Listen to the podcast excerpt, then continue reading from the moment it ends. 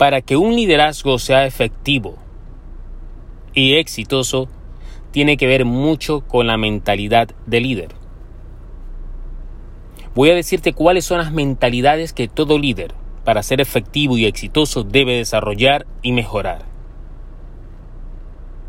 Pero ¿qué es la mentalidad? La mentalidad es un conjunto de creencias que conforman el modo de pensar, el modo de interactuar con la realidad e interactuar con el mundo y también interpretarlo.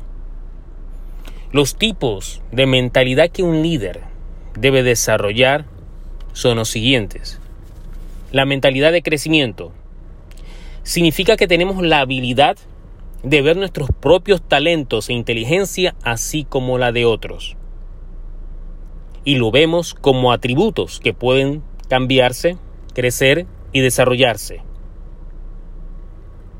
La mentalidad abierta es nuestra habilidad y voluntad de estar abierto a nuevas ideas, a nuevos proyectos y a los pensamientos de otros.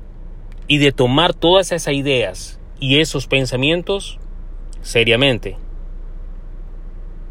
Mentalidad promotora. Es una mentalidad que permite al líder avanzar, desarrollar y de lograr siempre sus metas y objetivos, siempre promoviendo el bien común. Y una mentalidad exterior. Esto significa que el líder tiene una buena voluntad para con otros y ve a las otras personas como lo que son, como seres humanos y los trata y los acepta como tal. Entonces, si tú quieres ser un líder efectivo y exitoso, tú tienes que desarrollar estas cuatro mentalidades que todo líder debe tener.